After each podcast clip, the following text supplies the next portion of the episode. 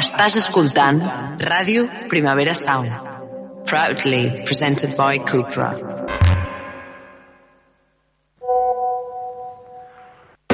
Nenes, jo ara vaig fet, però això em segueix fent ràbia i ja en parlarem, perquè fa ràbia, fa molta ràbia.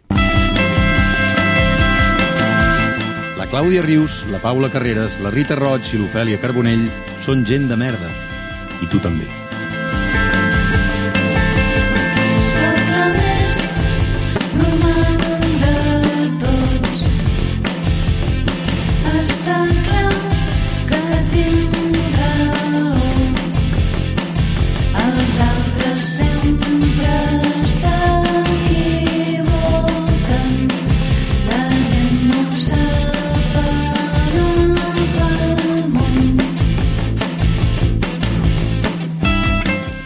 Bon dia. Bon dia, Clàudia. Rita, bona tarda. Bona tarda. Ofèlia, bona nit. Bona nit. Bon dia, bona tarda, bona nit. Tant se val quan escolteu això, perquè avui parlarem d'un tema que és molt recurrent en les nostres converses fora de micro. Parlarem sobre ser solter. Sí, i jo crec que abans hauríem de fer alguns trigger warnings abans de tenir aquesta conversa. Jo diria que, primer de tot, dic aquest episodi que es publicarà el dia de Sant Valentí és absoluta casualitat. Molt fort. O sigui, Som xaqueteres, però no tan no, xaqueteres. exacte, tipus, podem semblar oportunistes, no ens fa vergonya semblar-ho, però és que no, no és el cas. Jo, me n'acabo- jo acabo de fer el clic ara mateix, o sigui que... Sí, es veu que mm, avui, avui és el dia... Ah, bueno, no, es publicarà l'endemà de Sant Valentí. Bueno, és igual. Es veu que avui, eh, que gravem, que és el 13 de febrer, és el dia del solter, que això sí que... Hòstia. Jo vaig veure un tuit i vaig pensar que fort. Fortíssim. Es publicarà per Sant Valentí, vull dir que serà un tema de conversa Sí, aquests I, dies. I clarament no ho hem fet expressament perquè no som nada de eso, en plan... Exacte, som dies que celebren Sant Jordi. Exacte, vull dir que ni tan sols, ni tan sols... Mm, ja ens hem entès, Ja ens ja hem està, entès. ja ens hem entès. Llavors, jo crec que també val la pena dir que mm, parlar de, fer, de ser solter no vol dir ni fer una mena d'oda a la solteria, ni tampoc fer una mena de declaració d'odi a les relacions en parella, perquè totes hem tingut etapes d'odiar la solteria i d'estimar la solteria i d'odiar les relacions de parella i d'estimar les relacions de parella. Vull dir que d'això és com que és Sí, sí, bastant sí. evident, però de vegades aquestes coses cal dir-les. Bueno, serà una conversa bastant natural. Per tant, dit tot això, jo crec que podem començar, no?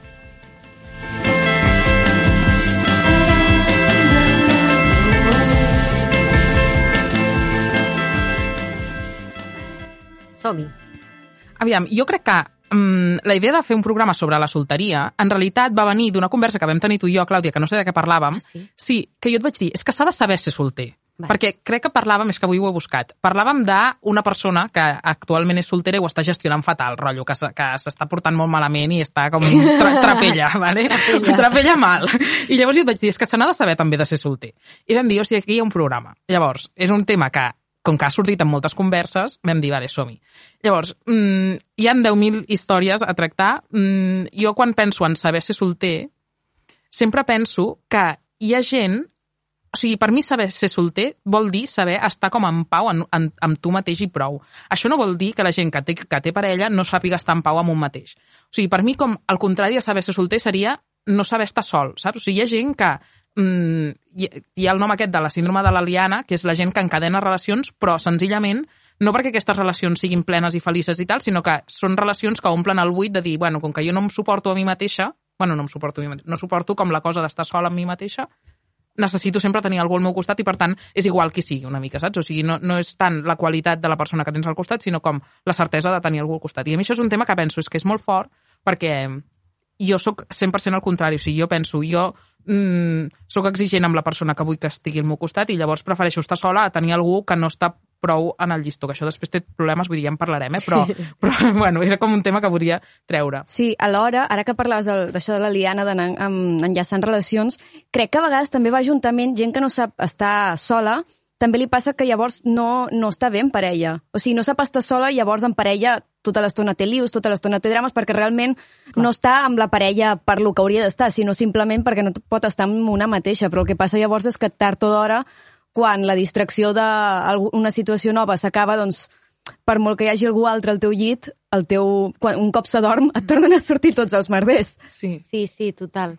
Bueno, és que de fet jo recordo que en algun programa vaig dir alguna rotllo per mi no sé de què parlàvem sobre amor, no sé què dèiem, i jo deia, és que per mi estar en parella és estar sol, però en el, en el millor dels sentits, de que tu estàs bé amb tu i, i l'altre està bé amb tu en tots els sentits també. Llavors mm. és com que esteu junts sols. Llavors, amb, això a mi em sembla superimportant perquè tu has de poder estar tranquil i has de poder ser tu al 100% i, i, i conviure bé amb l'altra persona. Si, si només saps estar amb els altres, sense saber estar sol, el que deia l'Ofèlia és que és problemàtic, perquè és això, t'acabaràs trobant amb tu mateix Sí. en algun moment. Crec que ho dèiem quan, quan tu, Rita, vas dir que en un TikTok vas veure la, la diferència. O sigui, tu, tu deies, en un TikTok una noia preguntava com saber si ets introvertit o extrovertit Ah, sí, i sí. era fer-te la pregunta de si algú et diu quan estic amb tu em sento sol o És com Sí, si això és positiu. sol. és com sí, si és estigués sol, si és positiu o negatiu. Crec que en parlàvem quan... Mm. Bueno, Sí, sí, sí, sí. sí, sí. Um, jo és que el que penso és que si, si enllaces parelles molt ràpid, o sigui, jo penso, quan, quan algú m'ha importat, necessito fer un dol. I aquest dol a mi em resulta un procés lent, normalment. I llavors penso, mentre estic fent aquest dol, no puc incorporar algú en, amb, amb una certa estabilitat a la meva vida. És que no puc. O sigui, el, meu, el meu cervell eh, no pot assumir això. I llavors em flipa la, la, la gent que sí que pot, perquè, perquè llavors hi ha la cosa aquesta d'un clavo quita otro clavo, que molts cops és veritat, però, bueno, no sé, és que... És que Mm. Tam també passa amb això que de vegades, o sigui, jo crec que si tu el que estàs dient és estàs amb algú, ho deixeu i llavors fas el dol. Però Sí. és que hi ha gent que estan amb algú, comença a veure que no funciona, fa el dol, deixa aquella persona. Ja. I llavors és quan tu estàs bé, fins i tot pots conèixer altra gent ràpid, perquè tu el patiment de dir, joder, és que ho vaig deixar perquè no estem bé, adonar-te'n que no estàs bé, tot, ho has fet amb parella, Ja, saps? sí. Sí, anava a dir que jo crec que això va molt a persones, perquè jo també he acostumat a ser una persona que després d'una ruptura ha d'estar un temps sola i m'ha costat molt entendre que altres persones això no ho necessitaven o que ho havien viscut d'una manera diferent, potser perquè tu deies, Clàudia, que havien fet el dol abans, però també perquè la gent és diferent i que això no implicava una mala gestió de tot això, que de males gestions mm, existeixen, seguint el patró aquest, no?, d'enllaçar relacions i tal, però que no sempre Um, vull dir que, que és una cosa que va realment a persones i, i el que tu necessites i, i jo la cosa aquesta de fer una recollida cap endintre la faig sempre des, o sigui, és que m'ha passat molts pocs cops de- d'enllaçar coses um, i altra gent no la necessita i això no vol dir que no, que Clar, no, clar. que no, que no, que no ho hagin superat. I, I una altra cosa que pensava ara és la cosa aquesta de que, que repeteix molt, que és que no pots estar bé amb algú altre si no estàs bé amb tu mateix. I jo no sé si estic d'acord amb això. És el que dèiem ara. Sí, sí, sí, digues, digues. O digues. sigui, jo crec que pots estar bé amb algú altre si no estàs bé amb tu mateix, perquè moltes vegades, molts de nosaltres no estem Sí. bé o no ho estarem mai, però, però crec que si tu només estàs amb l'altra persona per, per com modificar alguna o, o omplir un buit entre moltes cometes, crec que llavors això el que fa és que quan veus que, que no s'omple aquest buit, perquè aquest buit no s'omplia amb una persona ni amb una relació, crea com frustració i, i llavors hi ha això, com més problemes que acabes tirant contra l'altre. O sigui, sí, sí que crec que, que hi ha hagut durant sobre les últimes dècades molt la narrativa aquesta de, de trobar la nostra mitja taronja, no? Algo que ens complementi. I això ha portat a pensar, saps, a vegades, sobretot quan érem més joves, pensar no sóc feliç perquè no tinc algú que m'estimi, perquè quan trobi algú que m'estimi tindré la confirmació que mereixo ser estimat. I a vegades, pues, o sigui, la confirmació no l'has de treure d'una altra persona. Clar, clar. Bueno, és que hi ha, hi ha molts cops que s'entén la solteria com una mena de limbo, o sigui, com una mena d'estat entre relació i relació, no? que l'objectiu final sempre sigui acabar en parella. I que llavors és com, bueno, sí, estic soltera de moment, no? I és com, bueno, pot ser una, pot ser una decisió que algú prengui activament, no? Vull dir que, que sempre s'espera que, que, bueno, ja apareixerà algú. Ja, saps? És com el, el, el destí final sempre és acabar en parella socialment, no? Vull dir que, que la cosa acceptada sempre és com, bueno, de moment està soltera, o bueno, de moment tal. Sí, Sí. és que o sigui, jo amb això vull dir que puc fer la crítica, però la realitat és que tipus, a mi m'agrada estar en parella, llavors crec que si, si no, si em, no, si em trec el missatge que hauria de dir, realment crec que sempre he buscat estar en parella, no sé, perquè és una cosa que m'agrada. Llavors, Clar, clar, jo ho Mm. dic, però alhora jo sóc víctima d'això, eh? Vull dir Clar. que jo penso, jo també, jo també asp- aspiro a estar en parella Clar. algun dia, però jo penso, ara, ara no estic en parella, però senzillament perquè no he trobat ningú que, que de moment s'adequi al que jo necessito o el que jo busco, saps? O el que a mi m'agradaria. Però és veritat, o sigui, entenc que és veritat que hi ha gent que realment vol estar sol i no busca parella. I, i a mi em sembla molt fascinant, això. O fins Però i tot... existeix, existeix. Sí, sí, Clar, sí, clar, sí. però o sigui, fins i tot hi ha socialment com aquella cosa que potser eren generacions més grans que nosaltres, allò de que algú més gran de X en edat, no, aquest, ell és solter. Aquest, saps, el, el veí aquest és solter, és soltera. Com, com algú... O que ja li posem... No, Hi ha com una mena de, de llosa Clar, com rara, no? Com de, que a vegades, volia dir, implicava altres coses, no només ser solter. Vull Sí, dir, a es vegades deia- segurament era homosexual la Sí. persona. Um, I també, o sigui, jo una cosa que he pensat molt en això és que crec que abans ser solter realment era un estat permanent i era un estat que acabava sent involuntari i encara arrosseguem aquesta càrrega, no? Perquè hi havia un moment on tothom s'emparellava, la gent literalment no es divorciava encara que hi haguessin maltractes de per mig i, per tant, si eres solter o acabava sent no, aquest tiet que s'havia quedat solter, podia ser que fos per decisió pròpia, però també podia ser que totes les persones de la teva edat, del teu poble, voltants, radi, estiguessin emparellades i tu et quedessis sense, sense ning ningú amb, amb qui està, no? I de la manera com han canviat les relacions, ser solter també ha canviat el significat juntament amb, amb, amb tots aquests canvis, perquè ara tu pots estar amb algú i que això no funcioni i estar set anys amb algú i després deixar-ho i llavors tornes a ser solter i hi ha molta gent que estarà en la mateixa situació que tu, de la teva franja d'edat, també estem mm. molt més connectats i per tant no seràs solter per sempre si, no, si és el que vols. O sigui, si, si tu el que vols és buscar parella, no és un estat permanent en què t'hi quedis, no? És com que també les relacions muten més i ja no tens una parella per tota la vida i això està bé, doncs també mm, la solteria pot aparèixer en determinats moments de la vida d'una persona sense Mm. que això si- sigui com una càrrega o una etiqueta que la persona porti lligada, no? Sí. O algo superdefinitiu. És que també passa una cosa, que jo és una cosa que realment penso és que és molt fort, però la societat està muntada perquè, perquè el que sigui fàcil, l'opció fàcil, és sigui viure en parella. O sigui, des de coses tan senzilles com si vas al súper i compres una bossa de patates de les que venen ja en bossa, és que aquelles patates, si vius sol, perquè ets solter i t'has d'alimentar tu sola, o estàs una setmana i mitja menjant patates, o és que, és que se't podriran. Tia. Llavors, són coses tan tontes que Els dius... lloguers. Els lloguers. Els Sí. lloguers no te'ls Sí, pots sí, permetre sí, tu no. sol, a no ser que tinguis un xollo, a no ser que tinguis com, jo què sé, vull dir, és que no, no, no es pot fer... Les mm, hipoteques tampoc. Les No. hipoteques tampoc... És que res, no, hi ha moltes coses que... que... Sí, sí, jo veia un TikTok que no sé si el vau passar vosaltres pel programa o si em va sortir, sobre els pots de cigrons. O sigui, ell, eh, un, un, una TikToker Que que, deia... específic. Sí, deies que els pots de. O sigui, com deia, tot està pensat per fer en parella. Mireu aquest pot de cigrons. Deies que jo no em puc menjar aquest pot de cigrons jo sola en un A, àpat. a mi em passava que jo visc sola i em, a, durant una època em, em vaig subscriure a una cistella de fruita i verdura ecològica, vale? i llavors m'arribava cada 15 dies fruita i verdura ecològica. Era, era Et ingestionable. sortia per les orelles, que, no? Bueno, el dia que em tocava un enciam, i jo pensava, és que estaré menjant enciam durant 15 dies, perquè és que no puc, o sigui, i, i alhora tampoc no, no era possible menjar enciam cada 15 dies perquè allò es podreix. O sigui, era com la cosa aquesta de dir és que tot està pensat perquè siguis com a mínim dues persones. És molt fort. I això fa que, igual que a vegades pensem que ser solter no s'escull, um, estar en parella acaba sent més una cosa que potser no s'escull, saps? Que molts cops pensem que la gent que està soltera és perquè no vol, però en realitat jo crec que hi ha molta gent que està emparellada i potser ho està per inèrcia, mm. i això no vol dir que, que no s'estimin la seva parella ni res, però jo molts cops penso que jo ara, per exemple, sóc soltera i estic bé sent soltera i els cops on em, tro em trobo més romantitzant la vida en parella, molts cops va associat a que jo tinc mancances que podria suplir si tingués parella, però mancances materials de la vida mm, quotidiana, com poder tenir un pis um, que no estigui compartit, perquè llavors viuria en parella i seria un plantejament diferent, no? O, o tenir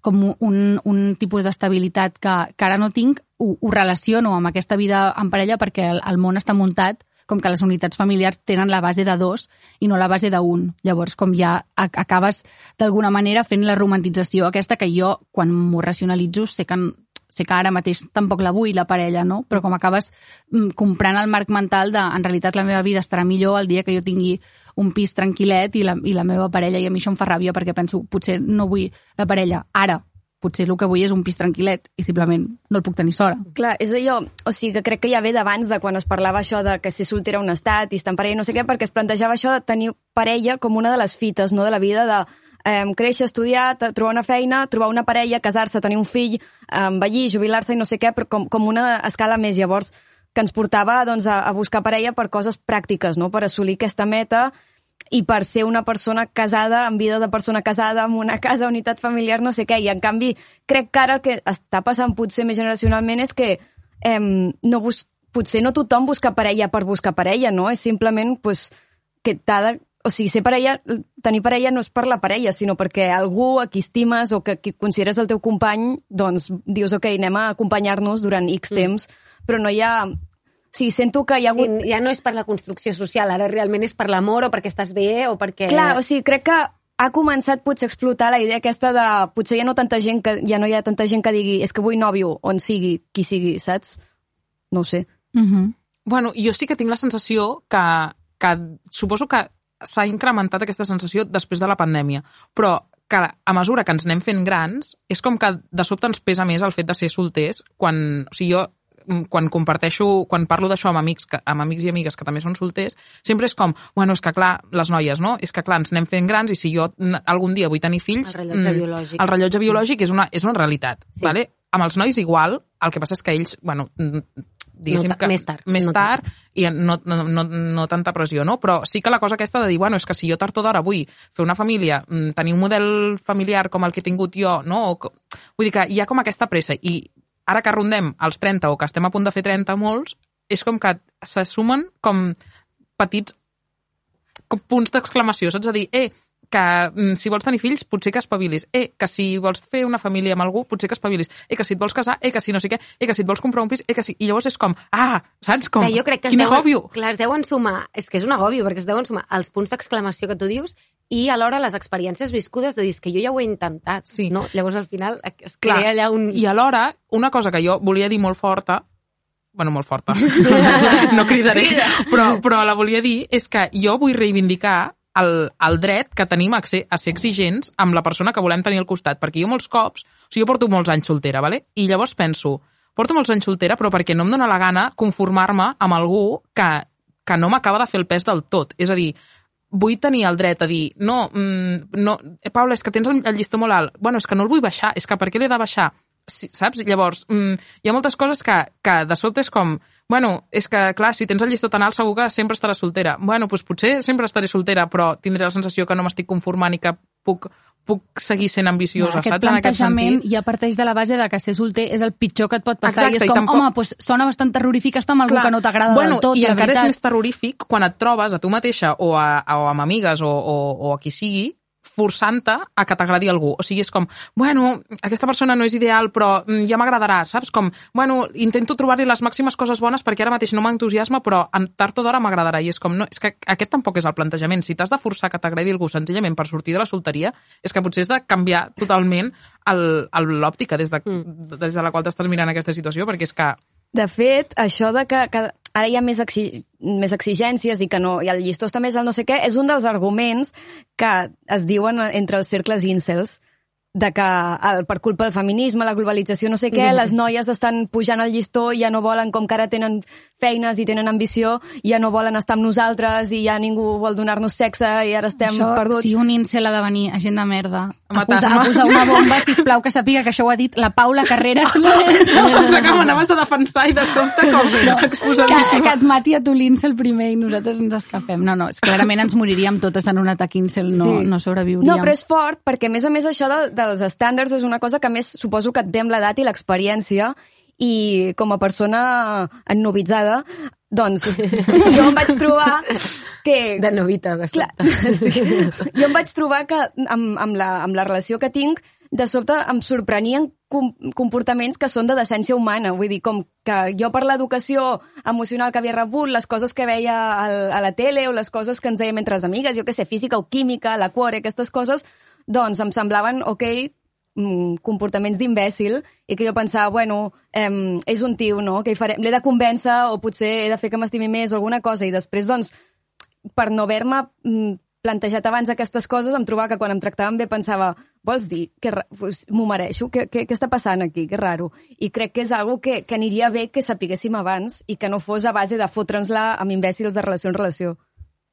Sí, total. Bueno, ara... No, no, Perdó. Sí, sí. És que és veritat, um, reflexió encertada. Jo és que passa una cosa, que és que a mi m'agraden els bons nois i llavors tots els noios que he tingut són realment molt macos, vull dir que no... Sí, però el que passa que a vegades quan no tens l'experiència, l'edat o la visió o la intel·ligència, doncs no distingeixes bé entre bons nois i nice guys. No. Ja. vale? I llavors, doncs, bueno, coses. Sí. Però, però sí. Però és que alhora, tipus, jo penso, winner, Winner.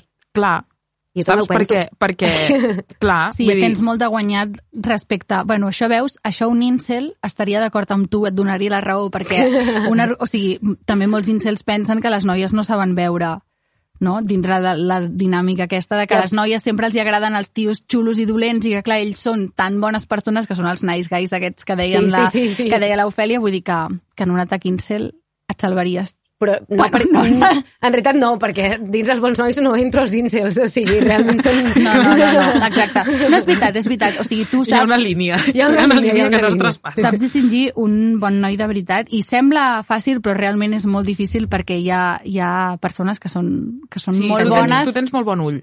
Sí. Sí, és veritat. Jo també, eh? Sí, sí. És veritat, tu també. Molt bé, doncs um, jo volia parlar de les representacions de solteria en la cultura popular, perquè jo vaig estar pensant en quin, Tot un tema. quins solters hem vist um, a, a les sèries, i llavors vaig pensar tres tipus de solters diferents, que són el solter Samantha Jones, el solter Bridget Jones i el solter Patty Selma, que van en pack, que això, això m'ho va Totes fer... dones, també. M'ho va, m'ho va recordar la, la Mar, la meva amiga, el, la Patty i la Selma, perquè jo no sóc gaire mm, visionadora del Simpson. Però bueno, són tres tipus diferents de solteres que jo crec que realment és tot el que hem vist en, en la cultura popular, perquè la Samantha de Sex and the City és realment una tia obsessionada amb el sexe, llavors això d'alguna manera sembla que l'hauria de fer um, més atractiva o més mm, que tenir més possibilitats d'acabar emparellada, però és incapaç d'enamorar-se precisament perquè està obsessionada amb el sexe, que per exemple hi ha aquell capítol que està enamorada d'un home, però com que aquest home té el penis massa petit, doncs no pot acabar, fort, no pot acabar sí. de- d'enamorar-se d'aquest tio, no pot sortir amb aquest tio perquè té el penis petit. És com, mira-la, que guarra, que fins i tot quan s'enamora no pot estar emparellada perquè és una cerda Mm. i llavors es mereix estar sola. Vull dir, com és, és aquesta narrativa supermoralista i, i molt antisexe, no? I llavors la Bridget Jones és tot el contrari, és una tia que està obsessionada en tenir parella, que potser el tema del sexe li és igual, i llavors fins i tot aquesta obsessió de tenir parella la fa menys desitjable, perquè és una pelmes, en plan, és una pesada, Ja, ja, ja, amb- ja. I llavors és com que compra una mica el discurs aquest de que apareixerà quan menys tu esperis, perquè clar, la gent que té sort és la gent que no ho busca, no? Com criminalitza una mica les noies que volen parella, en plan, ets una pesada que estàs obsessionada en tenir nòvio i llavors és culpa teva si estàs sola perquè ho vols massa, que això també és com, bueno, doncs no està del tot bé, no? Sí, perquè sí, tu com a dona tens tot el dret del món a saber què vols i si tu el que vols és tenir parella, doncs allà tu. Que es veu que Bridget Jones, la, la pel·li del diari de Bridget Jones, està basada durant Sí. un tros... Oi? En, en el Orgull i Prejudici de Jane Austen. Oh, no ho sabia, això. Tro- Tota la primera. tota la... Ah, tota El- la primera... És que no sí, sé, no sé. el Colin Firth, eh, Firth és el Mr. Mar- Darcy. Exacte. Bueno, és que de el- fet es diu Mark Darcy a la, sí, a la i el. Hugh Grant és l'amic, bueno, amic, mig enemic del senyor Darcy, Sí. que després és un traïdor perquè ha fet coses rares. Que Jane Austen en realitat també és com la soltera per excel·lència, de, Sí. no? Mhm. universal, en Sí. realitat. Vull dir que, malgrat expliqui històries de matrimonis i d'amor. i el que passa és que en aquesta època, o sigui, fins i tot en els llibres ho diu molt clarament, que és que, que, que el, el matrimoni, la institució i la- l'amor per arribar-hi és com uh, un refugi, la seguretat per a les dones en una època on no es podia treballar, no sé què. I ella dona... Sembla que vulgui donar aquest final feliç a totes les seves protagonistes, no?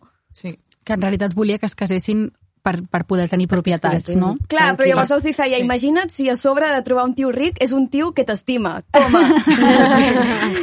Això està bé. I el tercer, El tercer són la Pat i la Selma, Ahà. que bàsicament són com solteres perquè són indesitjables, en plan, són molt desagradables, fan pudor, han com oblidat Fumen l'higiene, moltíssim. fumen molt, i estan allà elles soles i no...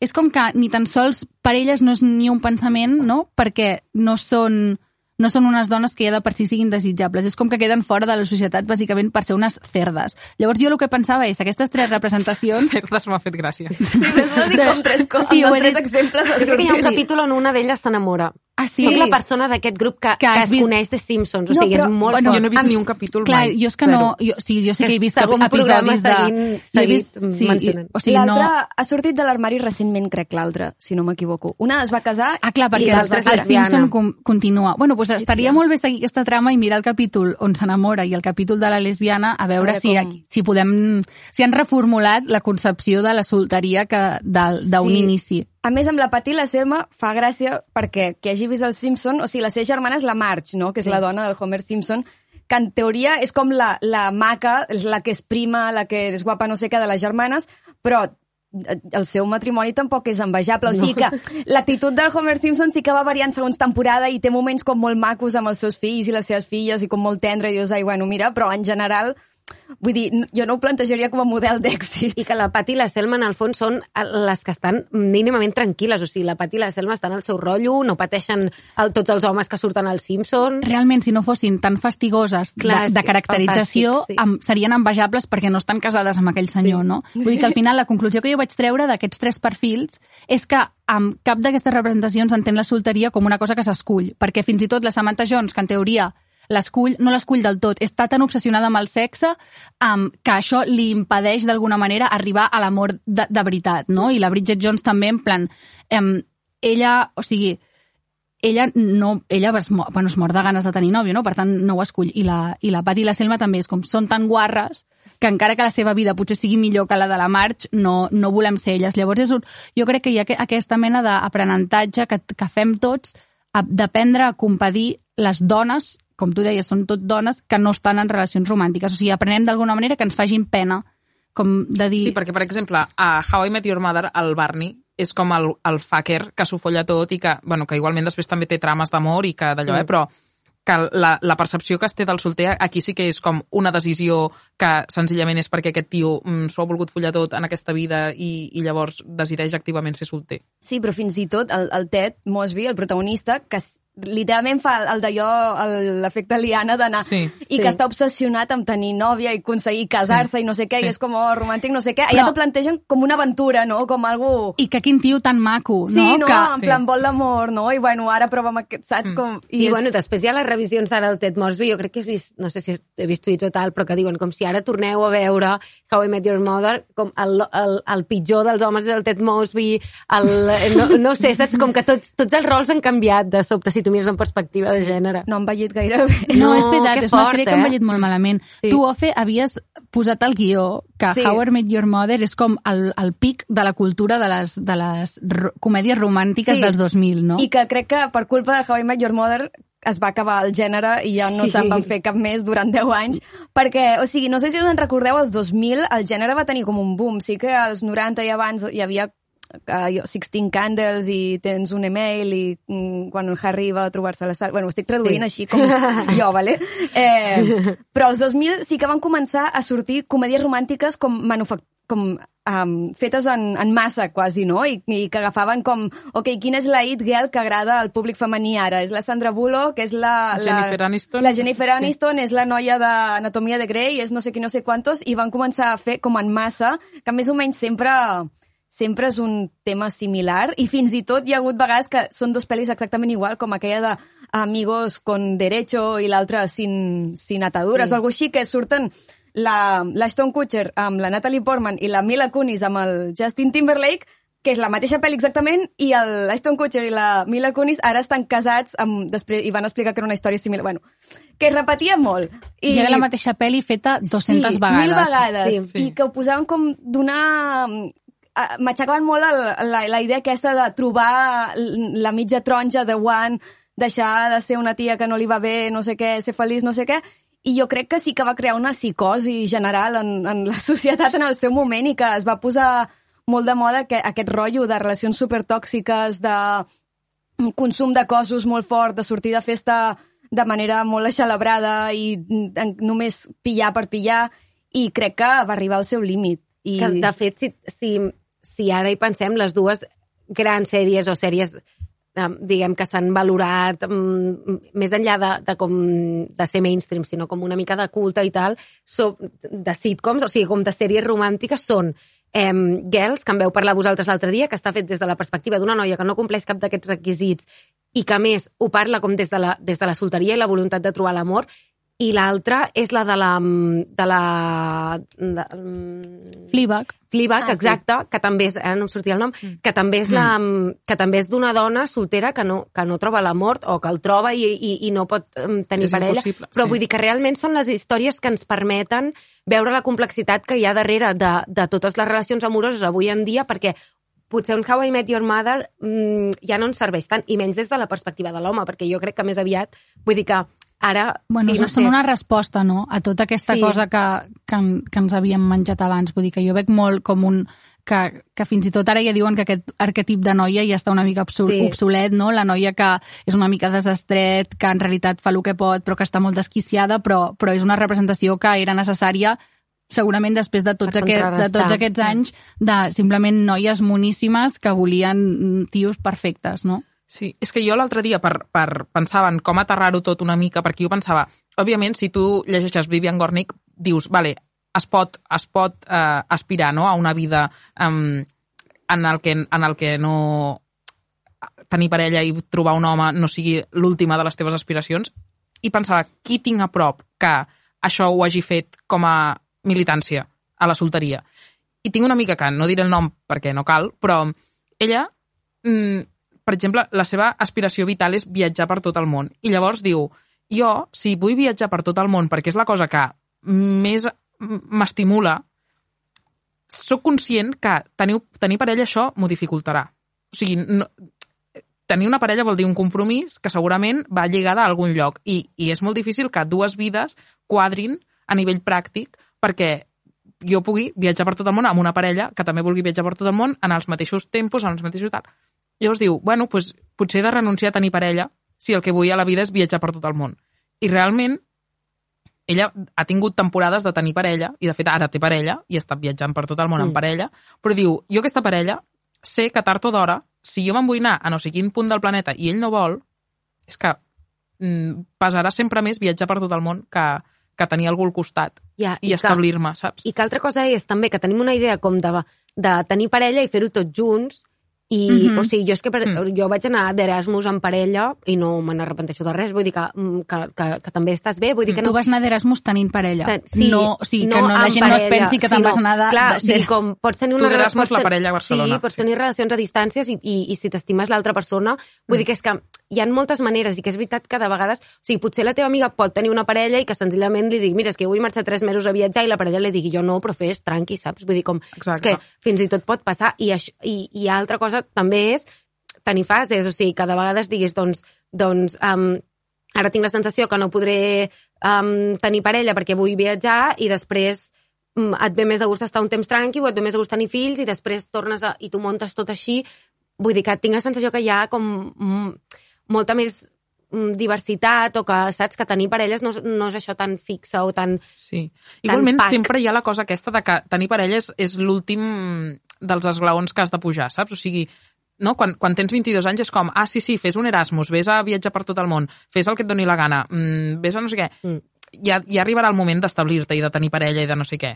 I és Sí. com, bueno, és que potser no ha d'arribar mai aquest... Sí. Vull dir que... Sí, a Sí, més, sí. què vol dir com tenir parella i establir-te, no? Vull dir que, que llavors, o sigui, veure-ho sempre com una cosa que ha de venir després, quan tu ja estiguis bé, que un altre cop, eh, com reivindico, que evidentment no vagis fent el desquiciat pel món, però un, com una cosa que vindrà en un futur on tu estaràs millor, on tu tindràs totes les coses que necessites, és com menys tenir també totes les relacions que tu tens que són estables de la teva vida i que, i que et sustenten i que et donen amor, Mm. com les amistats o la família, saps? I que, en canvi, no, la parella te la guardes pel moment especial o pel, pel moment on tu ja seràs la, la, la... O sigui, em fa molta ràbia el discurs aquest del perfeccionament d'un mateix, no? De que un s'ha d'anar esmolant i s'ha d'anar cada vegada millorant ell mateix fins a arribar a ser una persona tan perfecta que algú voldrà sortir amb ella i que després serà una, una relació sana del tot. Llavors, Ja, ja, és que... tot i que no, no, estic, no, no estic dient que, que si tu estàs fatal amb tu mateix vagis mm, trencant cors, però sí que penso que és molt tòxic la cosa aquesta de que només pots estar amb algú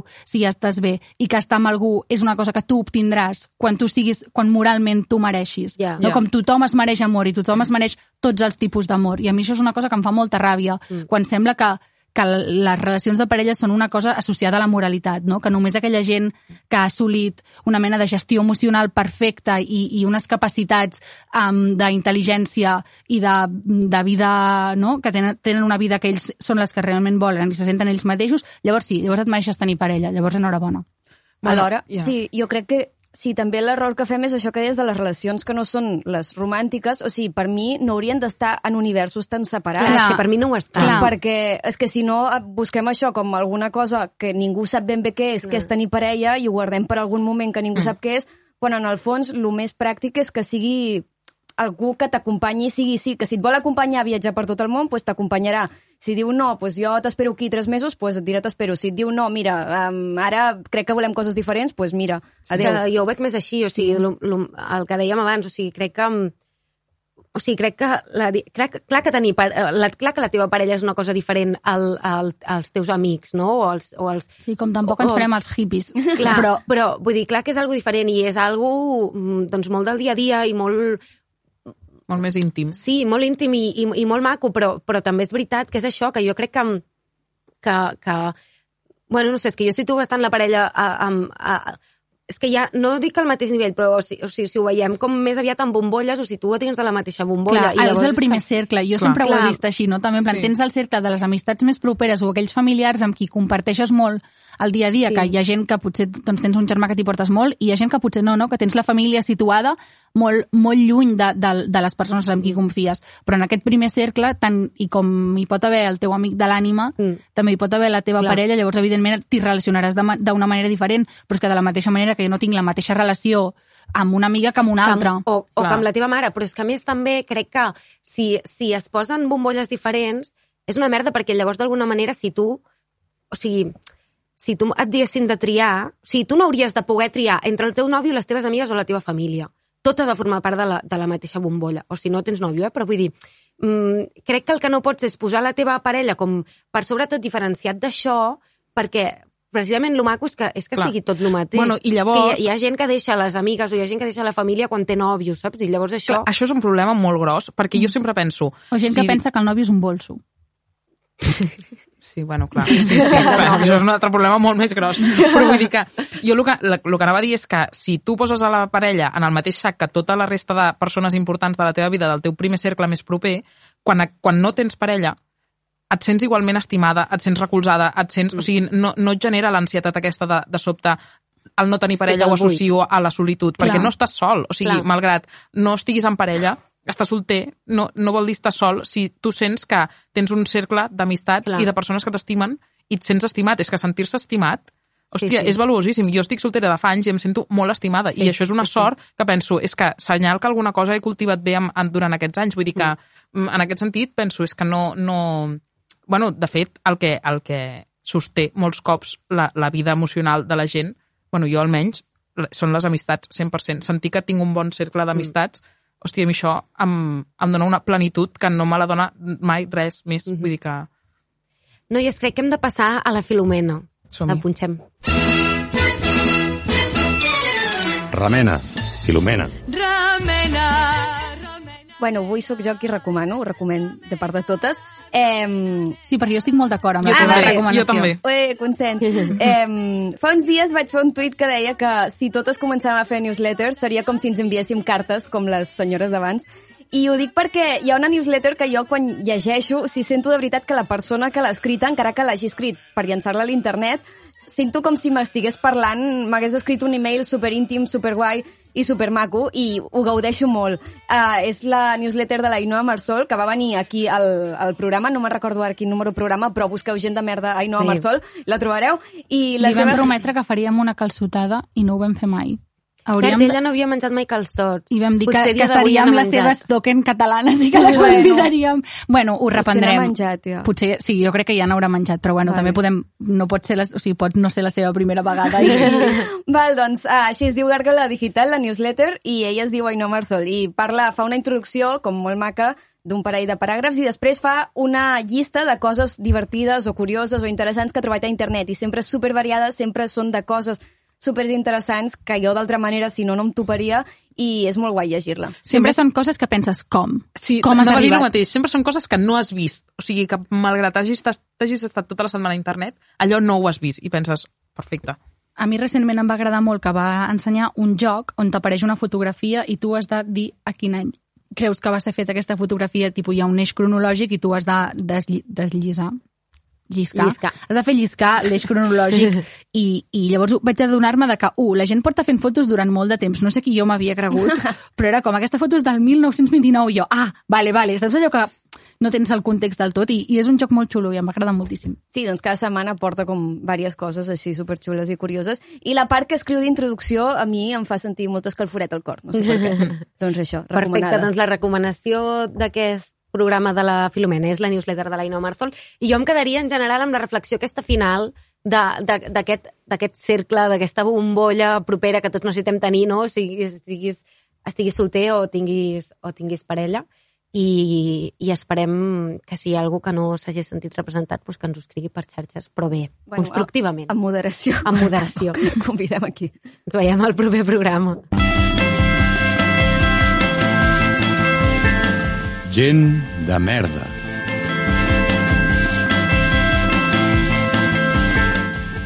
Aquestes que sonen són la Rombo. Nosaltres som la Paula Carreras, la Rita Roig, l'Ofèlia Carbonell i la Clàudia Rius i som gent de merda gràcies a la inestimable ajuda del Nacho Medina i el Rob Roman que fan que tot soni i es vegi bé, la Caral Guinar que ens ha fet aquest logo tan guai i el David Carvent que a partir d'ara deixarem de dir que és la veu més sexy de Catalunya, tot i que probablement ho segueixi sent, però ens fa sentir una mica de vergonya quan ho diem. Sí, per tant, fa cringe, fa cringe. Vam, vam decidir això un dia del 2019. No sempre sí. s'ha de ser la mateixa persona que el 2019. Sí, exacte. La setmana que ve més. Adéu, noies. Adéu.